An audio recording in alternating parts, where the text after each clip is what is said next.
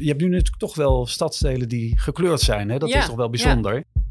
En toen kregen we toch best wel wat eh, hele boze reacties van... eh, nou, wat maak je me nou? eh, wat, wat, wat vraag je überhaupt? Anderen moeten zich aan mij aanpassen. Ik ga me aan verder niemand aanpassen. We zijn eigenlijk een groep vergeten waarvoor de wereld wel ongelooflijk veranderd is. Amsterdam is een super diverse stad. De van oudsher overwegende witte bevolking vormt alleen in Stadsdeel Zuid nog een meerderheid. Hoe hebben die nieuwe culturen, religies en achtergronden de stad veranderd? En waarom zien we die diversiteit in Amsterdamse vriendengroepen vaak niet terug? In Amsterdam Wereldstad, een podcast van het Parool, bespreken we een Amsterdams fenomeen en geven we antwoord op de vraag: hoe zit dat eigenlijk? Mijn naam is Lorianne van Gelder. Welkom. Een nieuwe aflevering van Amsterdam Wereldstad. En vandaag gaan we het hebben over het superdiverse Amsterdam, waar nog maar 44% van de Amsterdammers geen migratieachtergrond heeft. En Maurice Krul is daarvoor te gast. Jij bent hoogleraar diversiteit en onderwijs aan de Vrije Universiteit en gaf de afgelopen jaren leiding aan een Europees onderzoek dat uitzocht hoe de toenemende diversiteit de ontwikkeling van steden als Amsterdam beïnvloedt. Daar gaan we zo alles over horen. Welkom. Dankjewel. En Patrick Meerzoek, paroolverslaggever en inmiddels vaste podcastgast, is ook aangeschoven. Welkom Patrick, fijn dat je er bent. Dank je. Maurice, laten we met jou beginnen, want eh, we gaan het dus vandaag hebben over diversiteit en de groeiende groep mensen met een migratieachtergrond in Amsterdam. Klinkt sowieso als een, een mond vol eh, en ook een, met een hoop mitsen en maren, vermoed ik zo. Want een, een migratieachtergrond alleen al, waar hebben we het dan eigenlijk over? Mensen hebben een migratieachtergrond als ze zelf in het buitenland zijn geboren of één of beide ouders in het buitenland zijn geboren. Maar het blijft natuurlijk een lastige definitie. Ja, mijn moeder is bijvoorbeeld in Amerika geboren. Ben ik dan Ja. ook iemand met een Dan ben migratieachtergrond? je met iemand met een migratieachtergrond. Ja, klopt. Ja. ik stipte het net al even aan. Eh, Jij hebt de afgelopen jaren een heel groot onderzoek geleid naar eh, bevolking van verschillende grote steden. Je onderzocht Rotterdam, Antwerpen, Malmö, Wenen, Hamburg en Amsterdam. Wat viel je daarbij op eh, bij dit enorme onderzoek naar diversiteit? In Amsterdam valt toch wel op dat eh, veel mensen eh, in Amsterdam diversiteit toch vooral zien als een verrijking. En dat is in de andere steden bij de hoogopgeleide bevolking ook vaak wel het geval. Maar je ziet het ook heel veel bij de bevolking in Amsterdam met een MBO-diploma en lager. En dus we zijn eigenlijk best wel positief over diversiteit. ja, daar zie je toch dat toch wel echt in het DNA zit van eh, Amsterdam. Maar Patrick, als we nu naar de bevolkingssamenstelling van Amsterdam kijken. Ja, in hoeverre verschilt dat dan eh, van, eh, nou, pak een beetje 50 jaar geleden? Eh, ja, enorm. De stad is nu eh, super divers, zoals Maurice in zijn onderzoek aangeeft. Was al Eh, divers, maar is nu super divers. Ja, 44% was in 2021 zonder migratieachtergrond. Hè, dus dat is al een minderheid. Minderheid. Minder Dus de, de de, witte autochtonen, de mensen zonder migratieachtergrond zijn in de minderheid. Ja, ja, ik heb wat huiswerk gedaan eh, voor deze podcast. Nou, heel fijn. Het jaarboek eh, van 1970 erbij gepakt van het Bureau van Statistiek. Fantastisch leesvoer eigenlijk. hè. Je kunt lezen dat in 1969 Amsterdam 57 dagen vorst eh, telde. Oké. Maar waar het om ging, eh, en dat vond ik natuurlijk heel interessant in deze context, is eh, het aantal vreemdelingen en gastarbeiders in de stad. Dat werd toen allemaal nog keurig eh, bijgehouden. Die noemden we toen zo. Dus ook wel goed Ja, om weer even bij ja. stil te staan. Vreemdelingen, gastarbeiders. Gastarbeiders, ja. Eh, Rijksgenoten, hè, dat waren dan Surinamers met name. Oh ja. En in 69 zijn er in Amsterdam ongeveer 2000 mensen uit Suriname, Nederlands-Indië, toen net Indonesië en de Antillen gekomen. Wat eh, ja, natuurlijk echt een eh, hele kleine groep is eigenlijk. Hè? Want je had toen ook al een bevolking van 800.000 Amsterdammers. Mhm. Dus dat is echt een hele kleine minderheid. En eh, de politie, dat werd ook allemaal bijgehouden, had in dat jaar 22.000 verblijfsvergunningen afgegeven aan mensen uit het buitenland. En Ja, dat ja. waren Chinezen, Engelsen, Amerikanen, Brazilianen, Polen. Eigenlijk een enorm divers gezelschap. Ja. Maar die hele groep was enorm veel kleiner dan wat we nu zien. Ja. En daar is ook wel een verklaring voor, want eigenlijk was op dat moment er was een grote woningnood in eh, Amsterdam. En de woningen die er waren, waren erg slecht. En dat heeft vanaf de jaren 60 geleid tot wat men de overloop noemt. Een enorme trek eh, vanuit de stad naar gemeenten als Hoorn, Almere. Oh ja. Lelystad kwam er later bij, Purmerend natuurlijk. Ja. En het was ook de tijd vanwege die woningnood dat er enorm veel gebouwd werd in de stad. De Belmer werd in die tijd ontwikkeld. In enkele jaren tijd werden er enorm veel flats uit de grond gestampt. Dus er was plotseling ruimte. En dat heeft ervoor gezorgd dat ook hè, de, vanuit Suriname kwam een enorme golf eh, migratieopgang In de aanloop naar de onafhankelijkheid van Ja. 1975. Dus er was een groep die graag naar Nederland wilde komen. En er was plotseling ruimte ook om eh, die mensen op te vangen. Ja, precies. En, en Patrick, hoe ervaren Amsterdammers het, het wonen in zo'n diverse stad? Ja, het is denk ik een beetje dubbel. Er is over het algemeen volgens mij, voor zover je het kunt zeggen... Kijk, er zijn weinig problemen in Amsterdam als je het vergelijkt met andere eh, grote steden. Hebben we weer geen, eh, of bijna geen rellen of andere hè, opwellingen van onvrede. Dus eh, de- ik denk dat men de, zoals je dat noemt, de multiculturele samenleving wel een warm hart toedraagt. Tegelijkertijd zie je ook wel dat er niet altijd veel verkeer over en weer is. De- het blijven toch wel vaak groepen, ook na al die jaren. Zowel van de witte Nederlanders als de mensen met een Ja, migratieachtergrond. ja, ja. En ik, ik heb wel eens gelezen dat in Frankrijk bijvoorbeeld is het heel normaal dat je in je eigen buurt naar school gaat. Het is volgens mij zelfs verplicht, wettelijk. Dus daar groei je gewoon samen op en ontstaan er bijvoorbeeld ook allerlei eh, relaties. Ja, En die zijn in Nederland veel minder eh, het geval. mede omdat we allemaal in ons bubbel blijven Ja, dan. ja, ja, dat er weinig. eh, kijk, je hebt in elke groep, denk ik wel, van die typische bruggenbouwers. Hè, mensen die het leuk vinden om met andere groepen om te gaan. En dan ook de linkjes leggen, waardoor anderen weer kunnen volgen. Maar dat is eh, ook toch wel eh, nou, nog steeds bijzonder, is mijn ervaring. Ja, ja nee, er wordt vaak gezegd van mensen die van Amsterdam naar Rotterdam verhuizen, dat, dat dat in Rotterdam alleen al in de zichtbaarheid van gewoon in de stad, dat het gemengder is. Maurice, hoe, hoe, hoe zie jij dat? Is het eh, inderdaad in Amsterdam vrij... eh, Nee, dat beeld van Patrick, dat herkennen wij ook vanuit het onderzoek. Eh, Mhm. we zagen dus aan de ene kant de mensen diversiteit als verrijking zien. Maar er dus mensen zonder migratieachtergrond, die dus in die diverse wijken wonen. Als je naar hun vriendengroep kijkt, dan zitten die toch wel heel erg in hun eigen witte bubbel. Dus iedereen vindt het heel leuk, zo lekker divers, maar we gaan het niet in de praktijk brengen. Ja, de uitzondering zijn wederom de mensen die eh, een mbo-diploma hebben of lager. Oké. Dat is misschien ook een beetje het verschil tussen Rotterdam en Amsterdam. Die hebben vaker wel een gemengde vriendengroep. Waar ligt dat dan aan? Dus, dus die hoogopgeleiden die vinden het allemaal hartstikke gezellig, eh, dat, die diversiteit, maar ja, die blijven liever in hun eigen bubbel. Nou, voor de praktisch geschoolden is het natuurlijk een andere levensroute. Ze zijn vaker ook opgegroeid in Amsterdam. Ze zijn naar scholen gegaan, vaak die gemengde zijn. En zeker in het beroepsonderwijs zijn die scholen gewoon gemengd, ook toen zij opgroeiden. En ook vaak veel van hun collega's op het werk hebben een migratieachtergrond. En dat zijn toch allemaal wel factoren waardoor zij een meer gemengde vriendengroep hebben. Ja, ja. En veel hoogopgeleide mensen die komen pas naar Amsterdam als ze gaan studeren of daar gaan werken. Die hebben dan al een vriendengroep. Komen vaak uit een minder eh, diverse stad. En je ziet toch dat het, alleen het wonen in een diverse wijk, dat dat niet betekent dat daarmee eh, het contact ook met mensen met een migratieachtergrond eh, wat verder gaat dan eh, hallo zeggen tegen je buurman.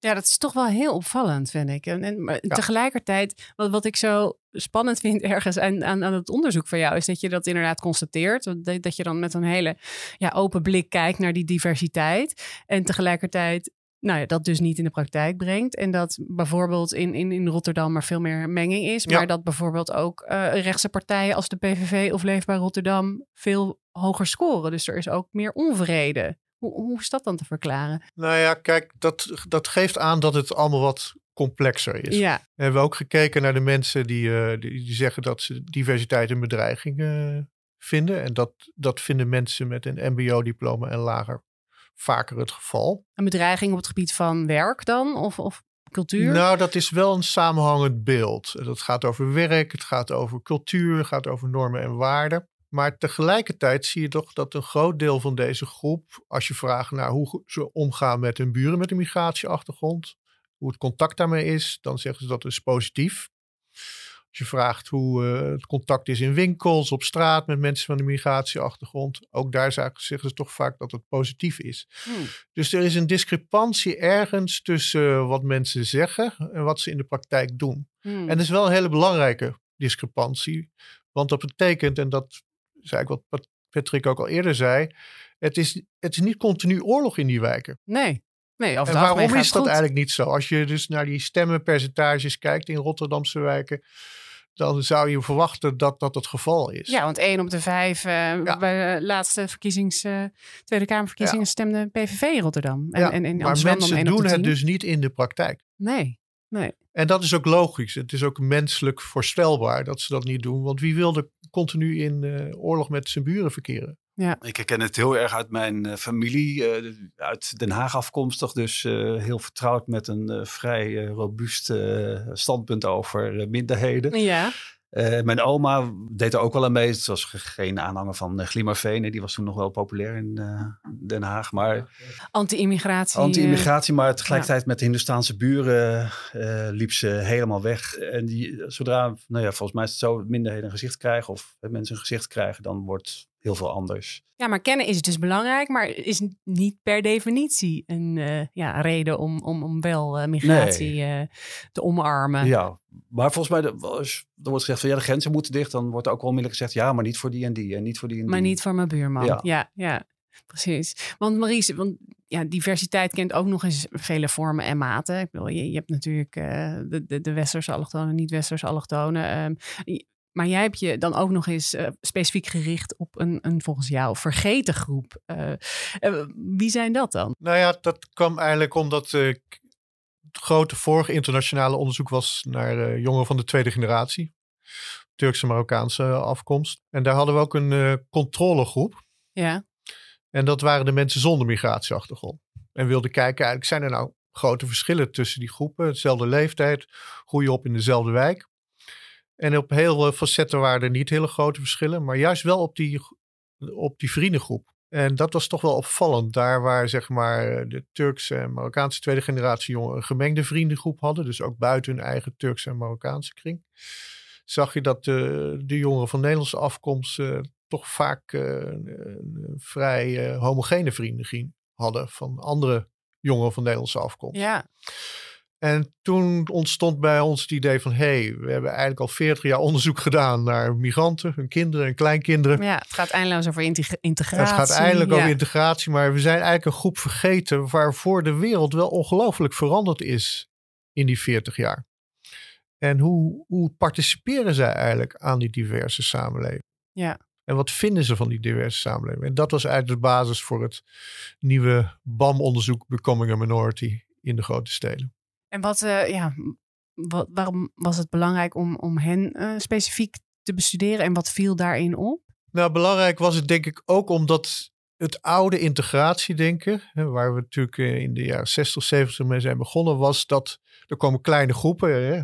Patrick noemde het al, kleine groepen Antilliaanse, Surinaamse migranten uit de kolonie kwamen binnen. En dan was het eigenlijk ook logisch dat die in die grote meerderheidsgroep langzaam inpaste, zich aanpaste. Ja. Kinderen kwamen op school. Nou, dan waren er zes, zeven migrantenkinderen. En de meerderheid was, uh, de kinderen was Nederlands afkomst. Dus het is logisch dat zij in die grote groep opgingen eigenlijk in feite. Terwijl de situatie nu in Amsterdam, als je op de scholen kijkt, dan zijn er 15 of 20 nationaliteiten. Ja. En eigenlijk wat de kinderen moeten leren is om met die diversiteit om te gaan. En niet per se bij die meerderheid aanpassen. En dat moet de groep uit, die meer, uit de voormalige meerderheidsgroep ook leren. Om ja. deel te worden van die klas en van die samenleving. Ja. En als ze dat niet leren, hebben ze misschien in de toekomst ook wel echt een probleem. Waarom dan? Als je, zoals je ziet, die zelfsegregatie, als die zich doorzet. Hè, je kan in Amsterdam, zeg ik altijd maar, je kan naar de middenklasse crash gaan. Dan kan je naar, met de witte vlucht naar witte basisschool, naar het wit gymnasium. En dan kom je daarna bij mij op de Vrije Universiteit terecht. Eh, waar de helft van de studenten een migratieachtergrond heeft. En die kinderen schrikken zich dood. Die weten niet wat ze meemaken. Mm. En weten ook niet hoe ze zich moeten gedragen en hoe ze er maar moeten mee omgaan. En later, als ze die samenlevingen gaan, hebben ze collega's met een migratieachtergrond. Misschien een, uh, iemand, een supervisor met een migratieachtergrond. Dat hebben ze dan niet geleerd. Want dan hebben ze toch echt een belangrijke competentie voor de toekomst niet geleerd. En daarom denk ik dat we het begrip integratie moeten verruimen ook naar de mensen zonder migratie. Ja, en dan krijg je over het algemeen best heftige reacties. Ik, ik heb jou volgens mij zes jaar geleden een keer ja. gesproken. En toen ging het ook al hierover. En toen gingen ja. we ook een rondje doen in Bosselommer en Eiburg. Uh, en eens even aan, aan, aan witte Nederlanders vragen van... Uh, hoe geïntegreerd bent u eigenlijk? En ja. toen kregen we toch best wel wat uh, hele boze reacties van... nou, wat maak je me nou? wat, wat, wat vraag je überhaupt? Anderen moeten zich aan mij aanpassen. Ik ga me aan verder niemand aanpassen. Is dat een... Nou ja, ja, dat is ook wel enerzijds het idee geweest van het project, hè, dat we die discussie wilden openbreken. Hè. Ook onze wethouders uh, begrijpen dat we er niet meer komen met het oude integratiebeleid. We hebben een nieuwe situatie, een nieuwe context, superdiverse stad. Onder de 15 jaar is nog maar één op de drie kinderen van Nederlandse afkomst. Eh, ook die groep moeten we aandacht aan besteden. Hoe wordt die deel van die diverse stad? Hmm. Ja, het is in dat opzicht ook wel spannend om te zien wat het nieuwe politieke klimaat gaat doen. We hebben Ja. nu een nieuwe grootste partij in Den Haag die eh, zegt alle Nederlanders eh, op één te willen zetten. Hè, wat eigenlijk een beetje haak staat op een ontwikkeling die Amsterdam in de afgelopen decennia heeft eh, doorgemaakt. En ja, het zal heel spannend zijn om te kijken. Ik kan me voorstellen mensen die, die tegen diversiteit zijn, noem ik maar even, dat die zich gesteund gaan voelen door Den Haag. Maar ik vind het eigenlijk interessanter, die unieke, unieke positie van Amsterdam. Hmm. Amsterdam is de meest diverse stad van Nederland. Ja. Tegelijkertijd hebben we de minste stemmen op de PVV. Dus daar is wel iets te leren van Amsterdam. Hè, dat zit deels in dat DNA waar ik het eerder over had, van Amsterdam natuurlijk. Ja.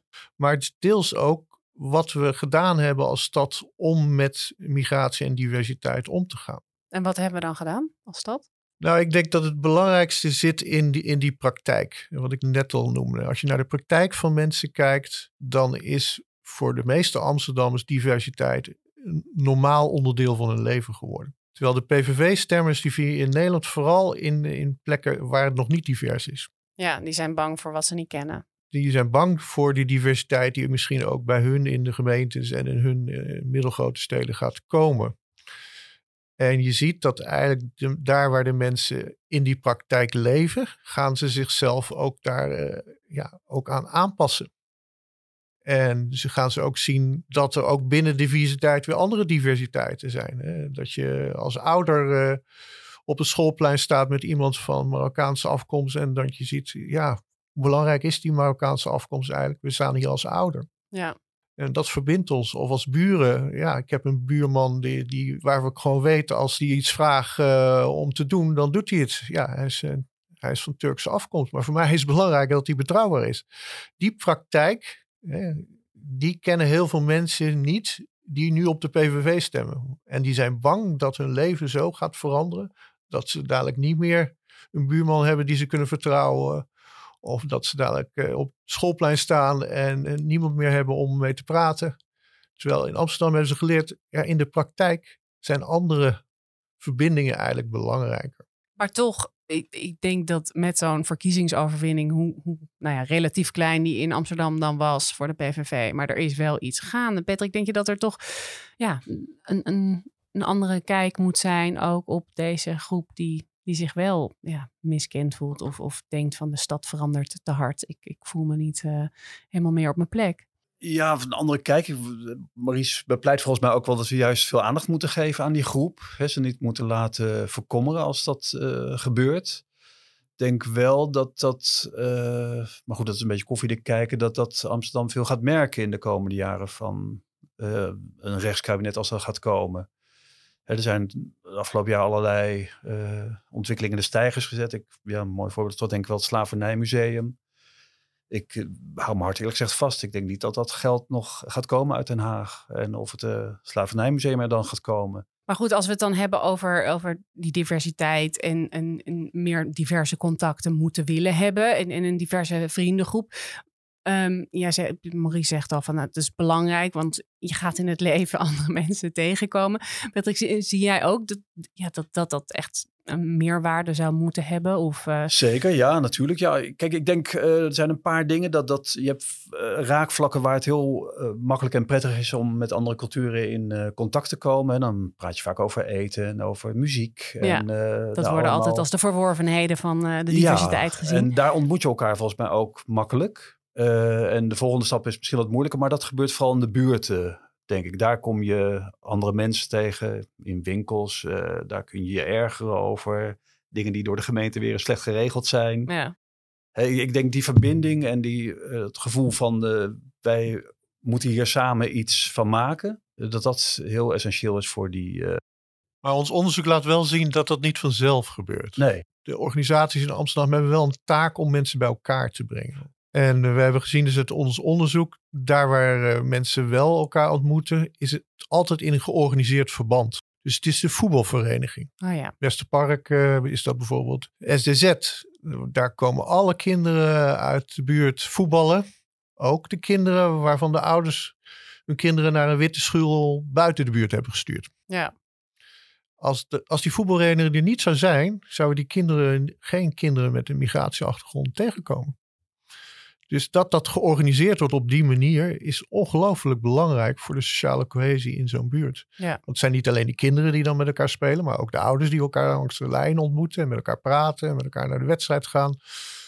Dus dat soort uh, dingen die georganiseerd worden, dat is natuurlijk ook wat je noemt al, uh, scholen is ook ongelooflijk belangrijk. Ja, en een Gemengde scholen zijn uh, belangrijk.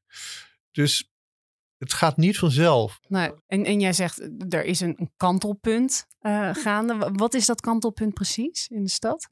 Het kantelpunt is dat op het moment dat eigenlijk diversiteit de norm wordt. En dat zie je, eigenlijk kan je zeggen, en ik vind eigenlijk de uitslag van de PVV daar eigenlijk een bewijs voor, dat Amsterdam dat kantelpunt eigenlijk al is gepasseerd. Hmm. Waarom uh, heeft Amsterdam zo'n uitzonderingspositie samen met Utrecht wel? Juist omdat we voorbij dat kantelpunt zijn, denk ik. Dus dat, nou ja, een waar het schuurt, waar het Ja. verandert, waar mensen bang zijn voor de verandering. En voor de mensen is dit de praktijk. Dit is de praktijk die zij leven. Voor mijn kinderen die opgegroeid zijn in Amsterdam. Ja, die zijn altijd op, opgegroeid met eh gemengde vriendengroep. En eh, voor hun is dat normaal. Die zeggen ook wel eens tegen ons ouders. Ja, jullie maken jullie daar enorm druk over. Maar voor ons is dit normaal. Ja, en dan is et- etnische afkomst steeds minder belangrijk. dan is etnische afkomst steeds minder belangrijk. En eh, als je ook naar de toekomst kijkt, een van de vier respondenten in Amsterdam, die heeft een partner met een migratieachtergrond. Hmm. Dus hun kinderen, die dat zijn sowieso alweer gemengde. Dus ook als we naar de toekomst kijken, zal dit gewoon steeds meer de norm worden. Ja. Maar we zitten wel op dat kantelmoment in Nederland waar het enorm schuurt. Ja. Maar ik ben denk ik wel positief als ik naar de toekomst kijk. Want dit is een demografische ontwikkeling die is gaande en die zal verder gaan. Die is niet meer te stuiten. Nee, nee.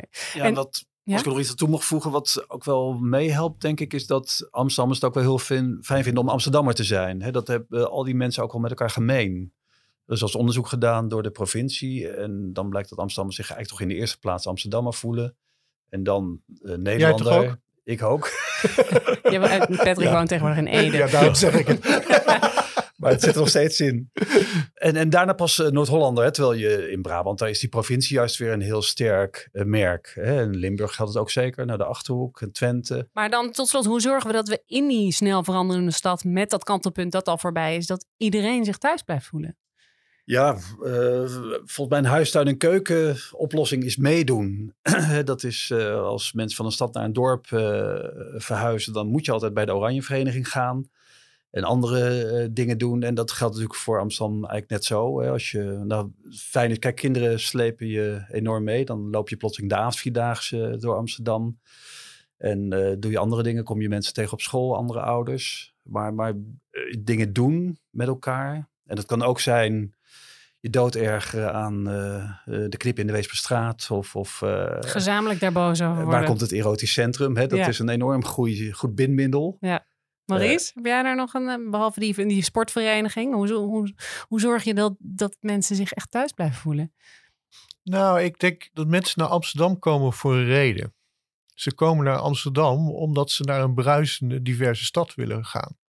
En tegelijkertijd wordt diversiteit landelijk als een groot probleem gezien. En Amsterdam Terwijl wordt ook als een groot probleem gezien. betalen enorme bedragen om in deze stad te mogen wonen. Als je met de PVV mee zou gaan, zou je absoluut niet willen wonen in zo'n diverse stad.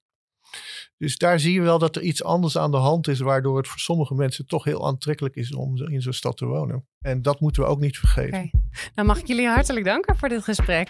Want dat was hem alweer. Dank jullie wel, Patrick Meershoek en Maurice Krul. Het onderzoek van Maurice en collega's over de nieuwe minderheid is gratis te lezen via de site van de VU.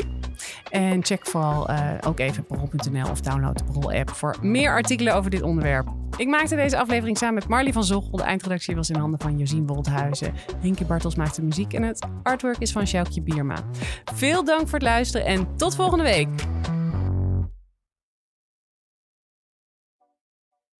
Hallo, ik ben Camilla Leupen, hoofdredacteur van Het Parool. Heb je genoten van deze podcast? Dan vind je onze artikelen misschien ook interessant. Een abonnement heb je al voor een paar euro per week. Je kan het ook eerst een paar weken proberen. Ga naar parool.nl slash podcastactie voor een actuele aanbieding. Dag!